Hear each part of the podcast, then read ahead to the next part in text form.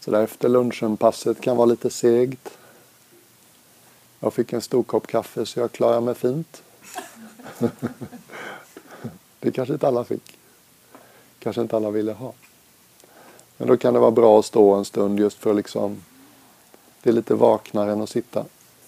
Kanske bara ta en minut och hjälpa kroppen att minnas hur känns det här nu då? Känner jag mig lite mer levande i kroppen? Kan du på läsa av det där surret lite fortfarande?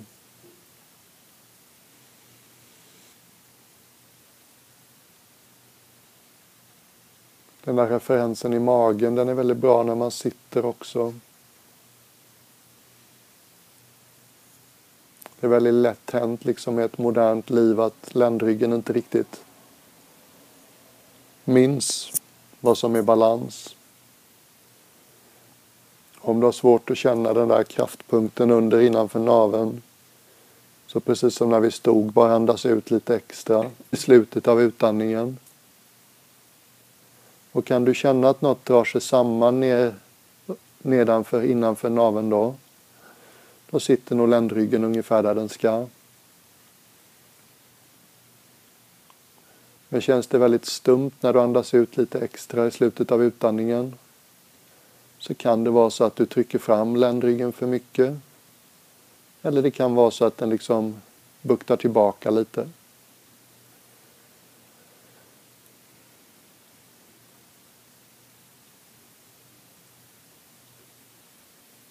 är en av områdena där sitta på golvet har lite fördel. Det kan vara lite lättare att hjälpa ländryggen att hitta ett vaket, vilsamt läge.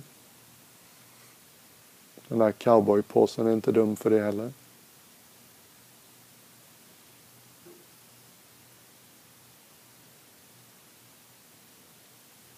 Och precis som jag sa i morse Det här är dagen då platt mage inte är grejen. Kul mage är grejerna. Vet de där små glada kinesiska buddorna med uppsträckta händer. En alldeles ledig och rund mage. Hur trivs din mage bäst när ingen tittar på den? Var känns den glad?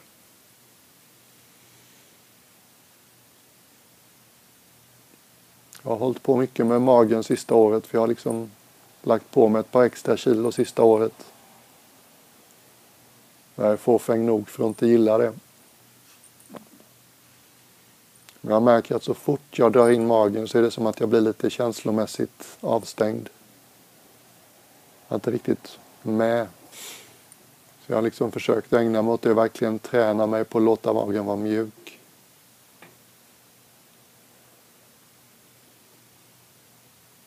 Få din egen känsla för det.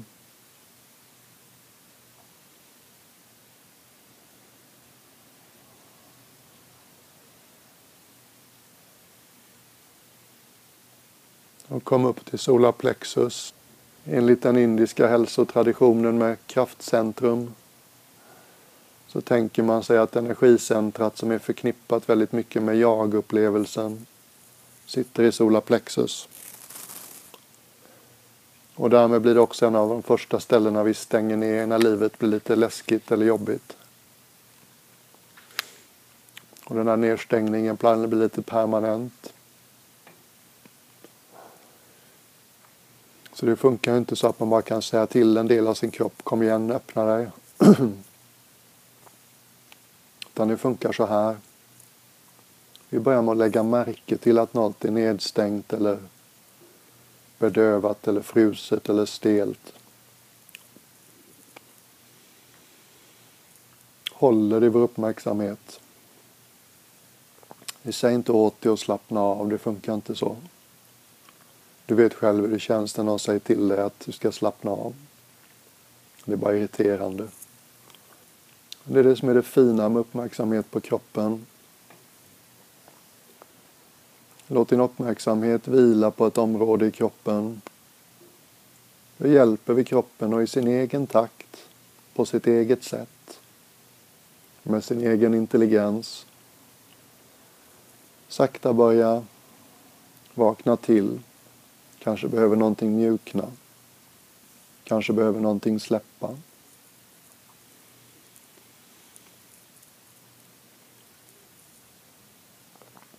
Det är inget sånt där två minuters projekt utan det är någonting man kommer tillbaks till. Så låt din uppmärksamhet börja bredda.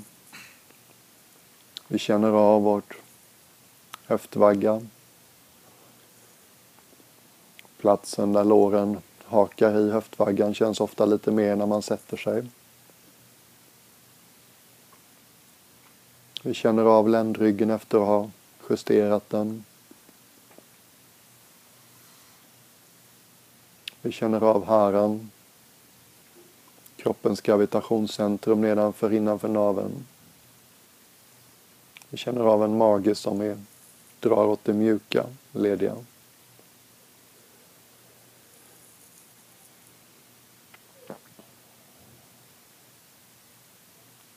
Om vi ger solarplexus den sortens uppmärksamhet där det som behöver släppa lite kan ha en chans att göra det.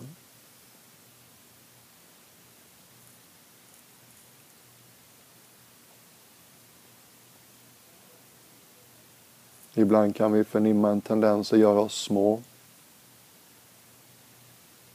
Det kan vara vanemässigt och livslångt.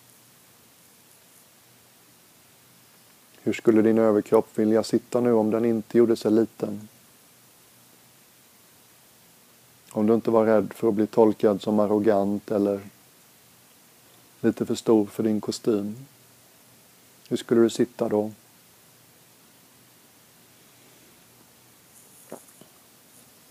Om sittandet fokuserade på ge kroppen all luft det behöver. Om sittandet fokuserade på att känna din överkropp. Om du inte på något sätt gjorde dig liten. Hur skulle det kännas inifrån när du sitter då?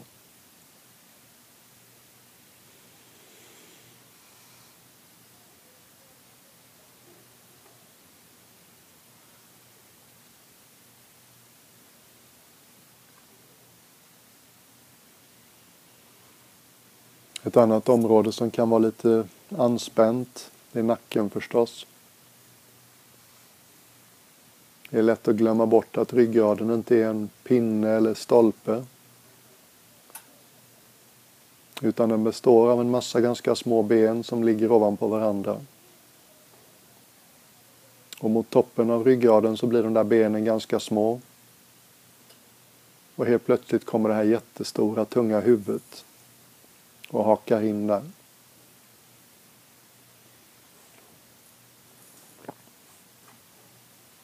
Och både med möblerna och livsstilen idag så är det lätt hänt att vanemässigt luta huvudet lite framåt. Och då rör sig energi lite sämre mellan huvudet och resten av kroppen. Det kan samlas anspänning liksom i nacken.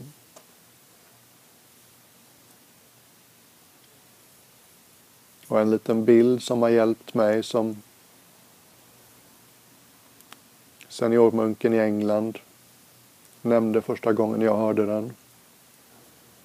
Det är att tänka sig en liten tråd som är fäst högst upp på hjässan. Där uppe på ditt huvud där du får en liten virvel i håret. Och den punkten sitter ganska långt bak ovanpå huvudet. Den sitter ungefär i ryggradens tänkta förlängning. Om du sen tänker dig att något vänligt litet himmelskt väsen lyfter den här tråden lite milt. Så att liksom just från gässan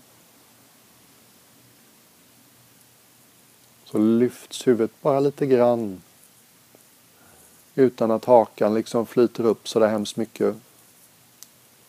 Så det går lite åt det hållet när du börjar bli lite orolig för eh, dubbelhaka.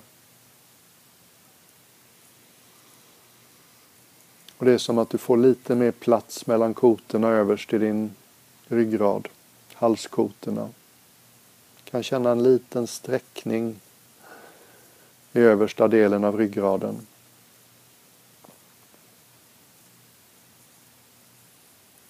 Där brukar man kunna få en känsla för ungefär när huvudet sitter på rätt plats. Så nacken inte behöver överanstränga sig. Och när du gör den justeringen så blir du ofta lite mer varse hur det känns i hals och bröst.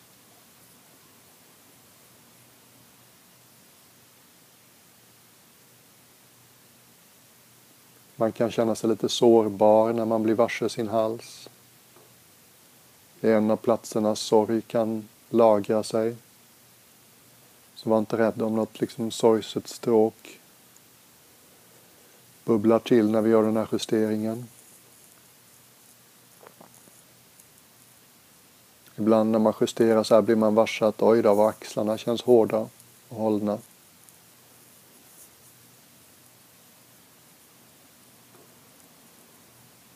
Svårt att ge axlarna kommando men det är mer värdefullt att liksom nästan respektfullt fråga dem. Hur skulle det vara för er att sjunka lite? Vill ni glida bak en smula? Samma tema som vi hade innan.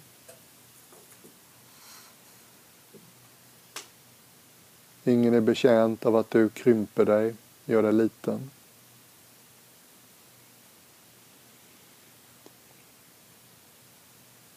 Hur skulle det kännas för just dig och sitta i balans? Sitta i din version av drottning. Sitta i din version av Buddha.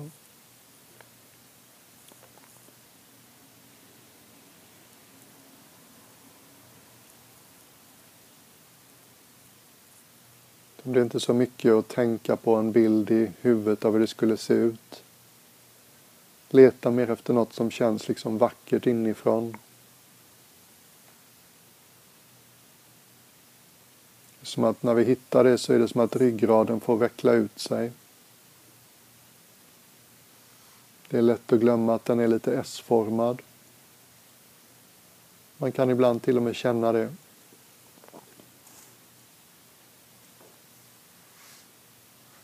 Att det finns liksom lite kurva, lite böj i ryggraden.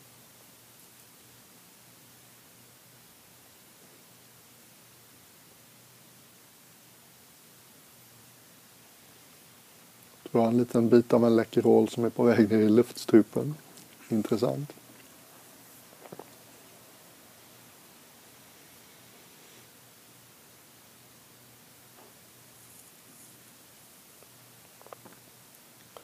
Och så verkligen öppna upp det ännu mer.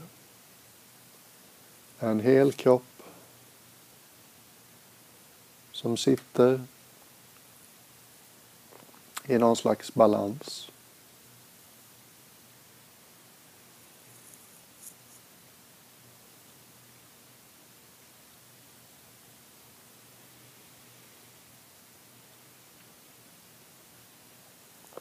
Lägg märke till hur du är fullt kapabel att hålla hela kroppen i din uppmärksamhet. Fötter och ben. Tyngden mot det du sitter på. Överkroppens lågmälda värdighet. Händernas känslighet.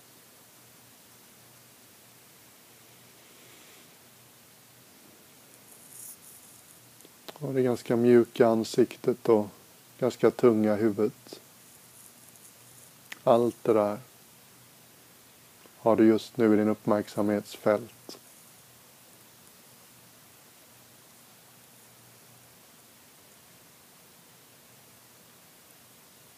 Inte som en bild i huvudet utan som en somatisk realitet. Du känner kläderna som ligger an mot kroppen. Du känner luften omkring dig som tydligast känns av i händer och ansikte gissar jag.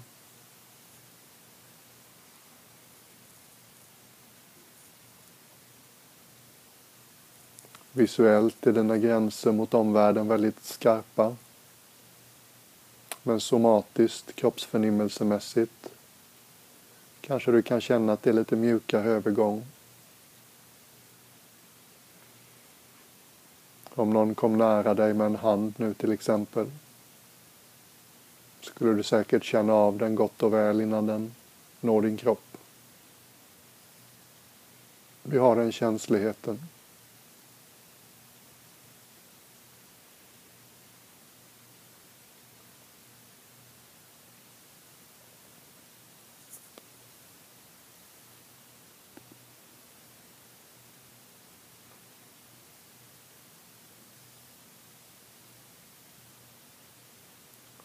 Vänj dig lite vid. Marinera i, påminn dig, så här känns det. Och hålla hela kroppen i din uppmärksamhet. Dess lite mjukare med diffusa gränser just nu.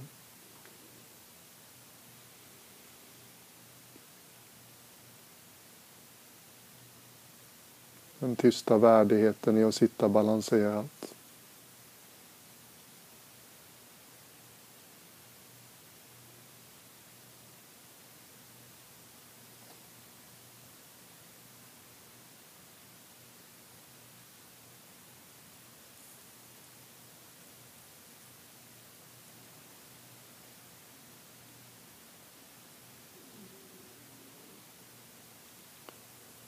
Och så vänd uppmärksamheten lite mer inåt i kroppen.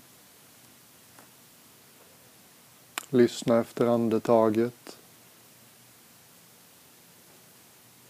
Den vanligtvis mest påtagliga rytmen i kroppen.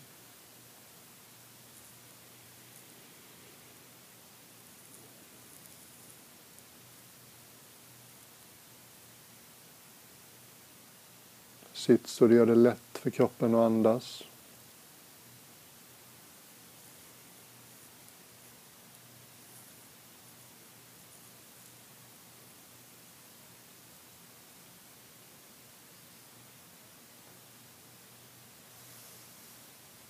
Lägg speciellt märke till början och slutet av varje andetag.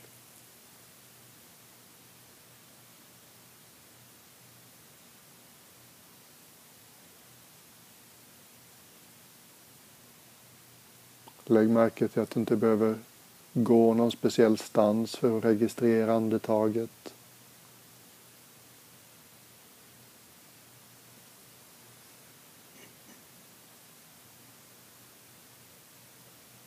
Jag till exempel frågar dig här och nu, i detta ögonblick, andas du in eller andas du ut?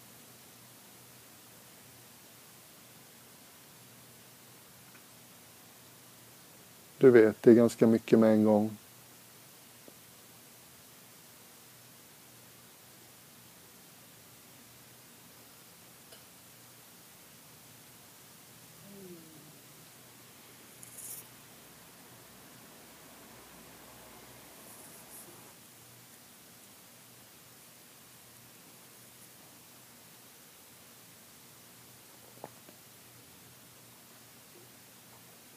Om du en liten stund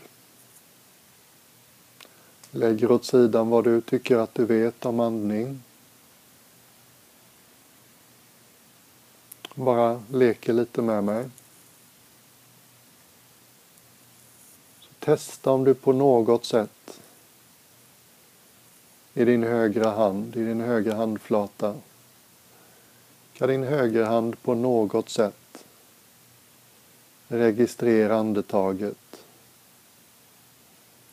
Kan din högra hand kanske till och med känna av när du slutar andas in och istället börjar andas ut. När du slutar andas ut och istället börjar andas in.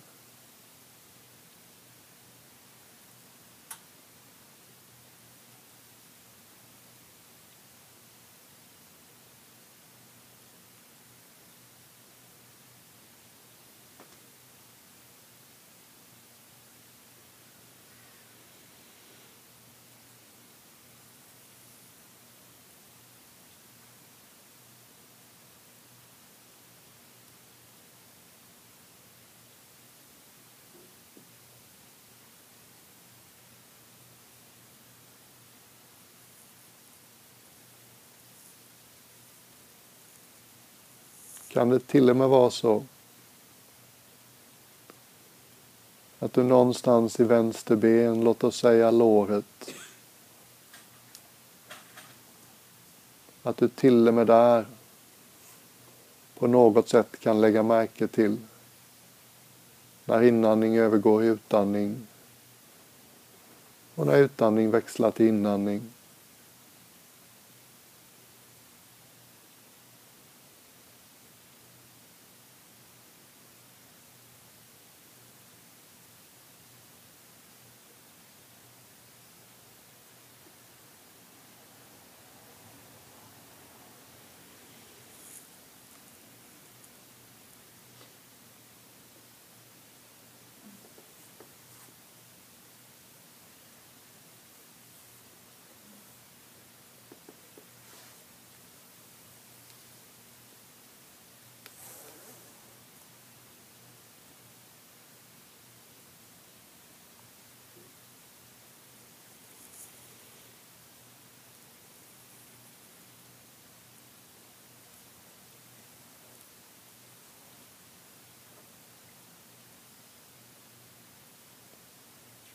Ta det här liksom åt det här hållet.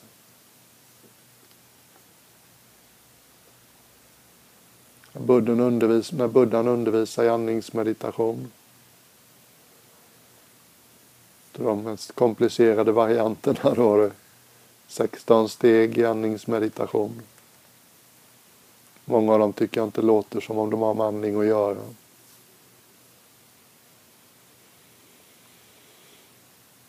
Men det här var ett av stegen.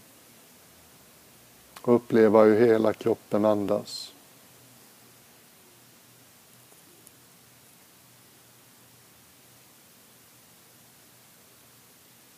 Jag försöker lyssna brett på andetaget, stigande och fallande. Den här vågen som rör sig genom kroppen.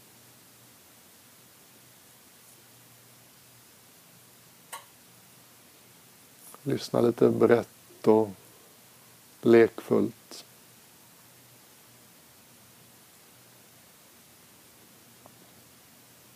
Ibland kan man få sin egen känsla av att jag kan ju faktiskt registrera andetaget nästan genom hela kroppen.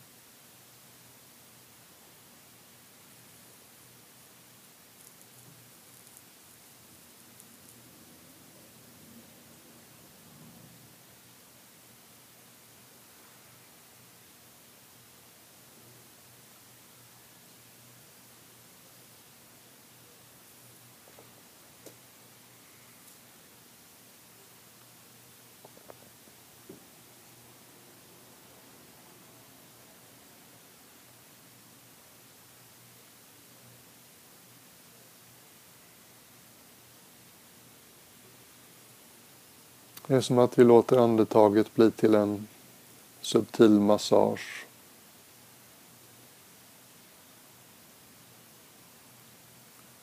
Gör det lite lättare för oss att känna nästan hela kroppen.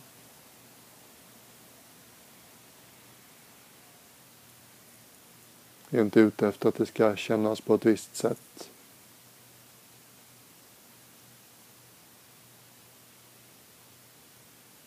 Liksom bara vaket närvarande.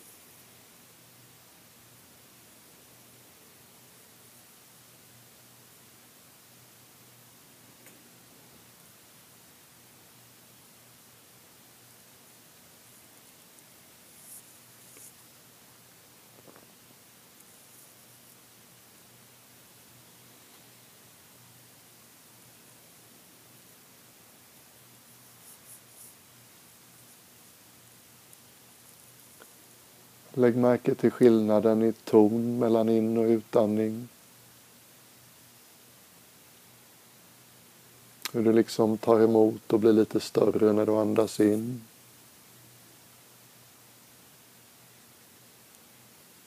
Det är som att vi får något. Vi expanderar.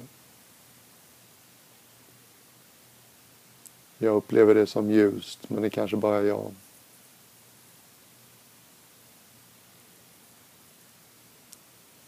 Och sen kommer inandningen till sitt slut. Och kort därefter så vänder det. Utandningen börjar. Den har lite annorlunda ton. Det känns som jag lämnar ifrån mig något, ger bort något. Känns mera ödmjuk. Jag blir lite mindre.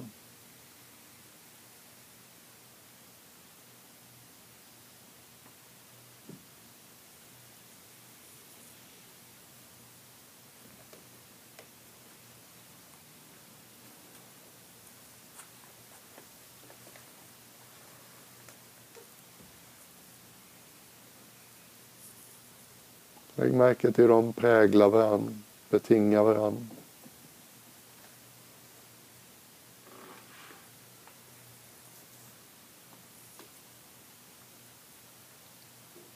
Tar du emot när det är dags att andas in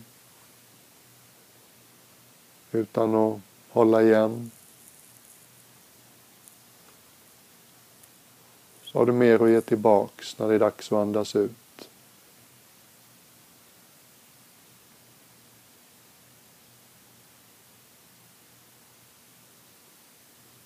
Andas du ut utan reservationer.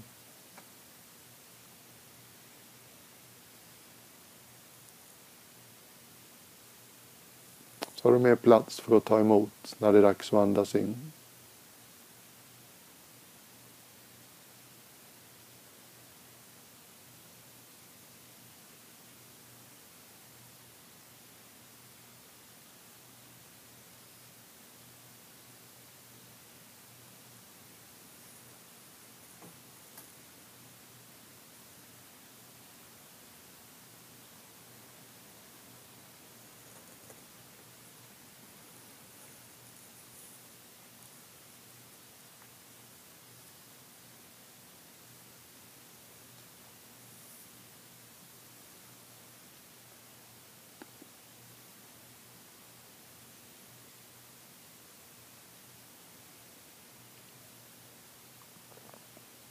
Jag fattar att det verkar jättekonstigt.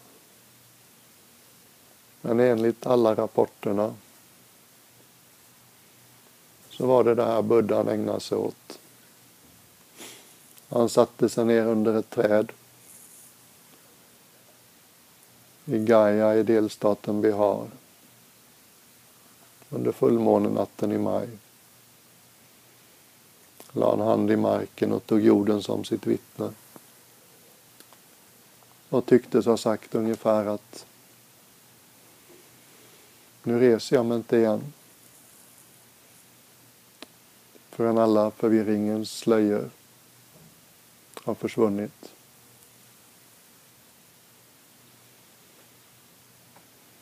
Jag har fått nog av att missförstå saker och ting. Och efter det lite storslagna uttalandet så ska han ha vänt sin uppmärksamhet mot sitt eget andetag.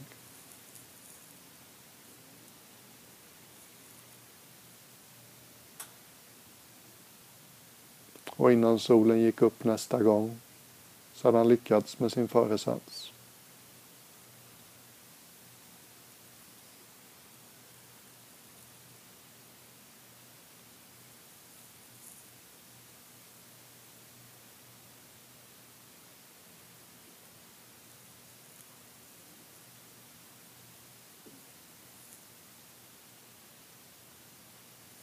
hans förklaring sen efteråt under sitt liv som lärare. Beskrev han ofta, han tyckte det fanns tre komponenter.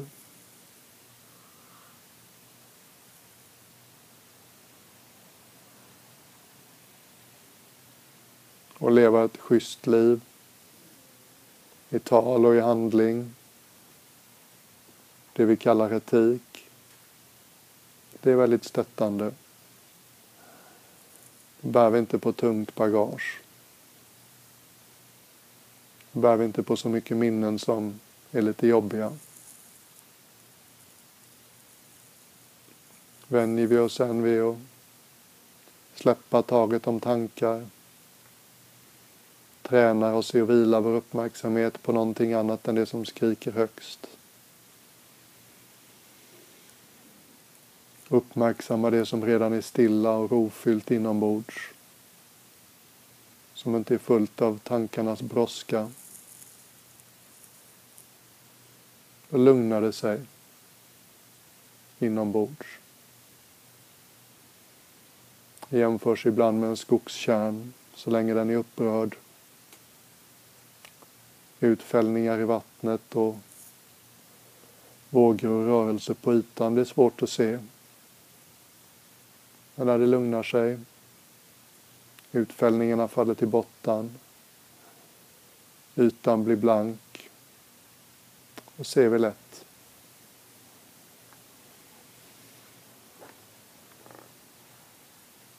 Ser en fisk som en fisk, en sten som en sten.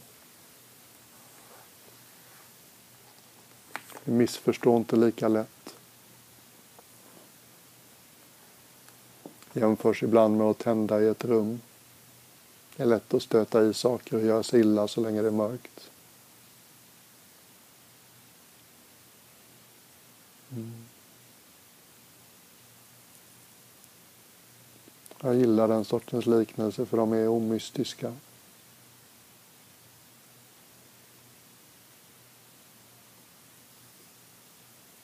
Det handlar inte om att utveckla några exceptionella kvaliteter. Bli den mest karismatiska personen i kvarteret. Eller utveckla magiska, mystiska förmågor.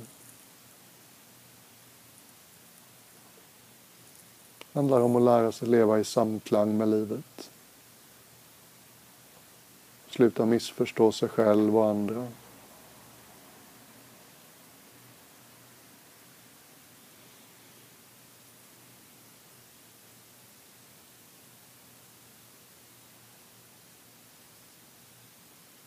Och till och med ska upptäcka att du och jag och alla andra bär på en skatt.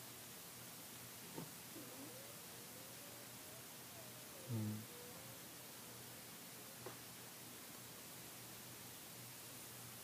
När vi hittar den så förstår vi uttalandet. Ingenting går någonsin fel i mitt universum.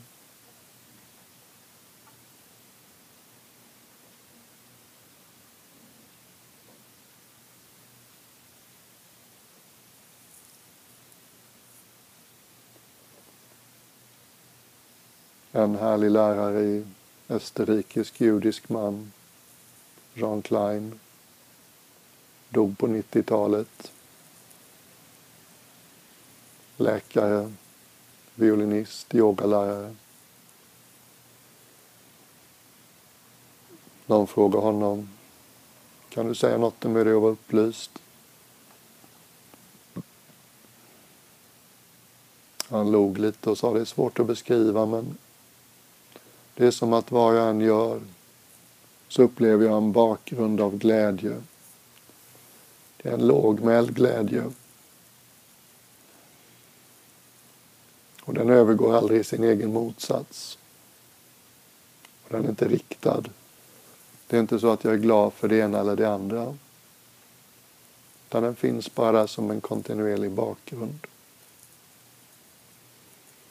Jag tyckte det lät så lockande.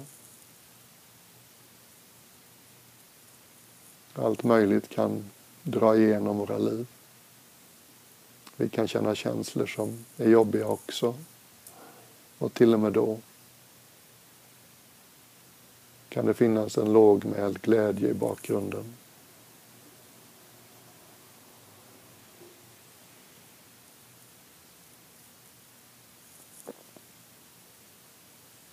Jag vet inte var den kom ifrån, den bara gjorde sig påmind. Bara ett par minuter innan vi slutar nu.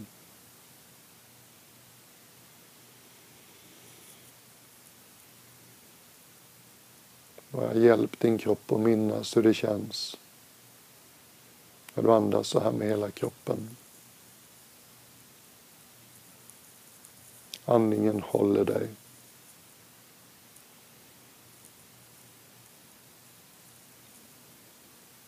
Inte på väg någonstans. Inga brandkårsutryckningar som behövs.